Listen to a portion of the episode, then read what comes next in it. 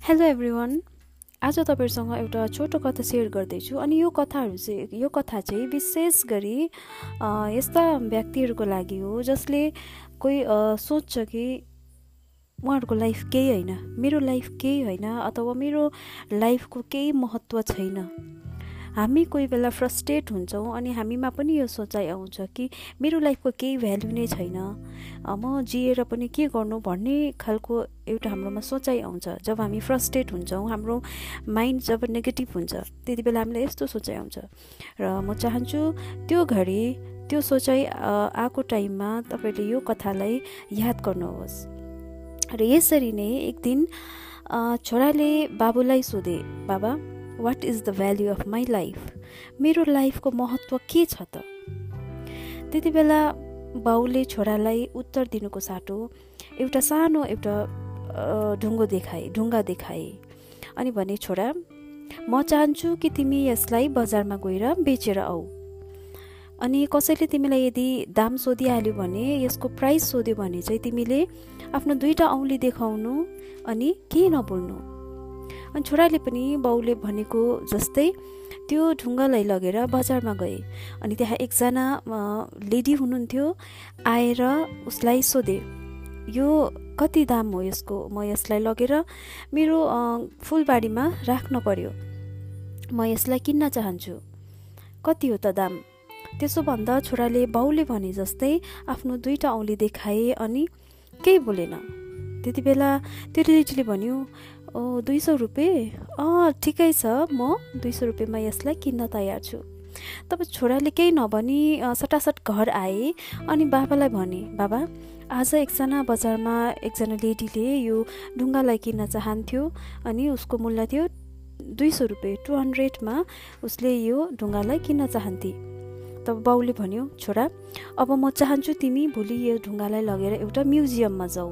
अनि त्यहाँ पनि त्यसरी नै कसैले यसको मूल्य सोधे तिमीले आफ्नो दुईवटा औँली देखाउनु अनि केही नबोल्नु। साँच्ची नै भोलिपल्ट छोराले फेरि त्यो ढुङ्गोलाई म्युजियममा लगेर गए। अनि म्युजियममा त्यो ढुङ्गालाई बेच्न लाँदाखेरि त्यहाँनिर एकजना मा मान्छे आए अनि हेरेर त्यो ढुङ्गा मन पराए अनि भने म यसलाई किन्न चाहन्छु कति हो त यसको मूल्य? तब पनि उसले बाबुको कुरा बाबुले भने जस्तै आफ्नो दुईवटा दुईवटा औँला निकालेर देखाए अनि केही बोलेन। त्यति बेला त्यो मान्छेले भन्यो ओ ट्वेन् दुई दुई लाख? ठिकै छ दुई लाखमा म यसलाई किन्न तयार छु। त्यति बेला त्यो छोरा अचम्म भयो अनि उसले केही बोल्न सकेन। अनि ऊ छिटो छिटो घर आएर बाबालाई भने बाबा आज म्युजियममा यो ढुङ्गालाई एकजना मान्छेले दुई लाखमा किन्न तयार थियो। त्यति बेला बाबाले भने छोरा अब अन्तिमचोटि अब अन्तिमचोटि म तिमीलाई एउटा एउटा ठाउँमा पठाउँछु जहाँ तिमीले यसलाई बेच्नु। अनि भोलिपल्ट बाउले छोरालाई यस्तो दोकानमा पठायो जहाँ चाहिँ एकदमै किम्ती भ्यालुएबल स्टोनहरू एकदमै किम्ती किम्ती स्टोनहरू बेचिन्थ्यो अनि त्यस्तो दोकानमा पठायो। अनि त्यहाँ पनि बाबाले भन्यो कसैले दाम सोधे तिमीले? खालि दुईवटा औँला देखाउनु अनि केही नबोल्नु। अनि छोरा त्यहाँ पुगेर त्यो दोकानको मालिकलाई देखायो। अनि देखाउनु बित्तिकै त्यो मालिकले त्यो ढुङ्गालाई हेरेर मन परायो अनि भन्यो कहाँबाट ल्यायो तिमीले यो ढुङ्गा? यो त एकदमै किम्ती ढुङ्गा हो। यो त एकदमै संसारमा कम्ती मात्रामा पाइने एकदमै रेयर स्टोन हो। यसलाई म किन्न एकदमै चाहन्छु। कति हो मूल्य? तब उसले बाउले भने जस्तै दुईवटा औँली देखाए। अनि त्यति बेला त्यो दोकानको मालिकले भने हेरेर भन्यो दुई करोड? ठिकै छ म यसलाई दुई करोड दिन तयार छु। तब त्यहाँ पनि छोरा केही बोल्न सकेन एकदमै अचम्म लाग्यो अनि छिटो छिटो घरमा आएर भने बाबा आज त अचम्म भयो। आज त्यस दोकानको मालिकले यो ढुङ्गालाई दुई करोड दिन तयार थियो। त्यति बेला बाबाले भन्यो छोरा अब थाहा थाहा भयो तिमीलाई तिम्रो लाइफको भ्याल्यु तिम्रो जीवनको महत्त्व के छ अब तिमीलाई थाहा भयो? हाम्रो जीवनको महत्त्व हामीलाई हाम्रो ब्याकग्राउन्डले हाम्रो इकोनोमिक ब्याकग्राउन्ड हाम्रो फाइनेन्सियल ब्याकग्राउन्ड हाम्रो सोसियल ब्याकग्राउन्ड हामी कुन चाहिँ जातबाट छौँ हामी गरिब छौँ धनी छौँ हामी कालो छौँ गोरो छौँ यो कुराहरूबाट केही पनि असर गर्दैन। तर हाम्रो लाइफको भ्याल्यु चाहिँ हामीले आफैले कस्तो ठाउँमा आफूलाई भ्यालु दिने त्यो कुराले असर गर्छ। हामी कस्तो ठाउँमा बस्ने त? आफैलाई कस्तो ठाउँमा राख्ने त? त्यो बजार जहाँ तिम्रो भ्यालु खालि दुई सौ रुपियाँको थियो। या त त्यो दोकान जहाँ तिम्रो भ्यालु दुई करोडको छ। आफैले आफैलाई कस्तो भ्यालु दिने? आफैले आफैलाई वरिपरि आफ्नो सराउन्डिङ कस्तो बनाउने? त्यो चाहिँ केवल तिमीमा भर पर्छ। अनि मानिसमा सबै मानिसमा कुनै न कुनै किम्ती चिज हुन्छ किम्ती गुण हुन्छ जसलाई हामीले चिन्न पर्छ एकदमै भ्यालुएबल गुण हुन्छ। त्यसलाई हामीले चिनेर त्यसको भ्यालुलाई दिन जान्नुपर्छ हामीले आफैलाई आफ आफ्नो लाइफको भ्यालु आफैलाई दिन जान्नुपर्छ अनि अरू मानिसलाई पनि उनीहरूको लाइफको भ्यालु चिनाउनमा हामीले सहयोग गर्नुपर्छ। र यति भन्दाखेरि छोराले अझ राम्रोसँगले कुरा बुझ्न सके।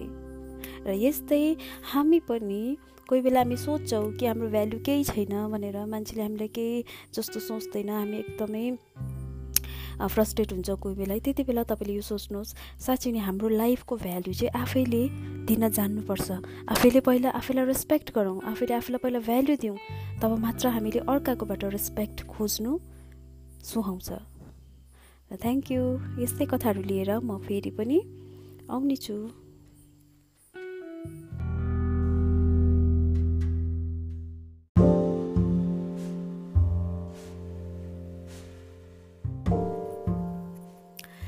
नै एकजना राजा थिए अनि राजाले आफ्नो राज्यमा एक दिन एउटा सर्वे गराउने विचार गरे।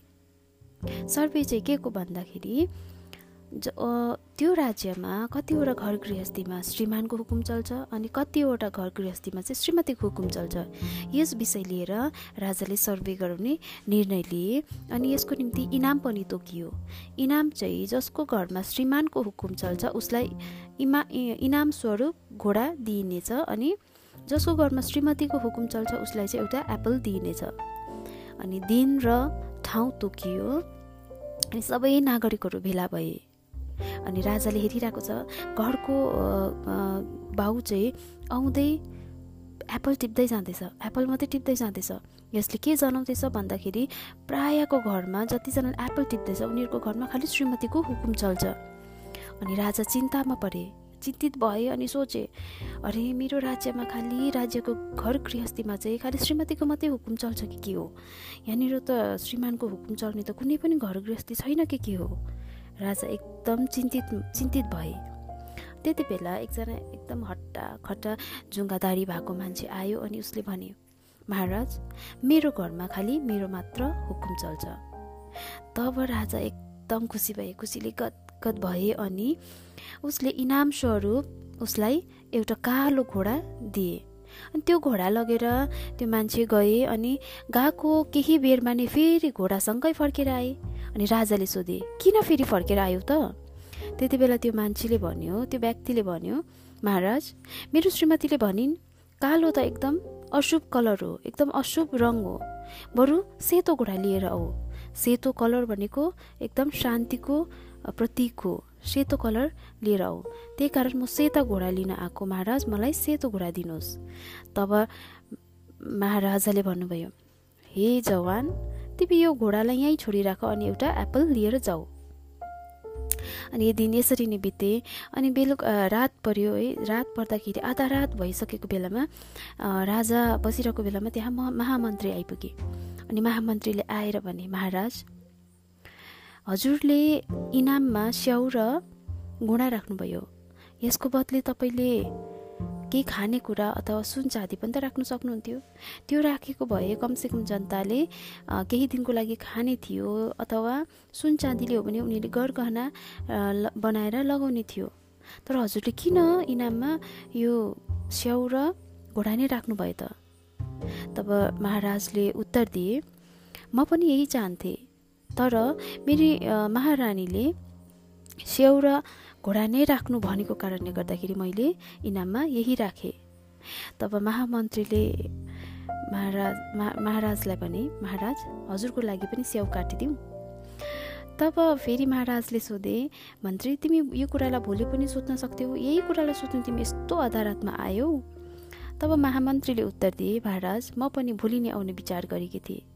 तर मेरी पत्नी मेरो पत्नी चाहन्थे कि महाराजले इनाममा घोडा र एप्पल चाहिँ किन चाहिँ राख्नुभयो त? यो पत्ता लगाएर आउनु भनेको कारणले गर्दाखेरि आजै पत्ता लगाएर आउनुपर्ने हुँदा म यहाँ पत्ता लगाउनु आएको। तब महाराजले हाँस्दै भने महामन्त्री तिम्रो लागि पनि स्याउ काटिदिउँ कि घरमै लगेर खान्छौ? र हामीले प्राय सोच्छौँ अनि भन्छौँ पनि कि we live in a patriarchal society ज जहाँ चाहिँ मेन डोमिनेटिङ हुन्छ है मेन सुपिरियर हुन्छ। तर हामीले हाम्रो समाज जति नै पुरुष प्रधान भए तापनि संसार चाहिँ स्त्री प्रधान नै छ। र यो कथाले यही कुरा झल्काउँछ। Thank you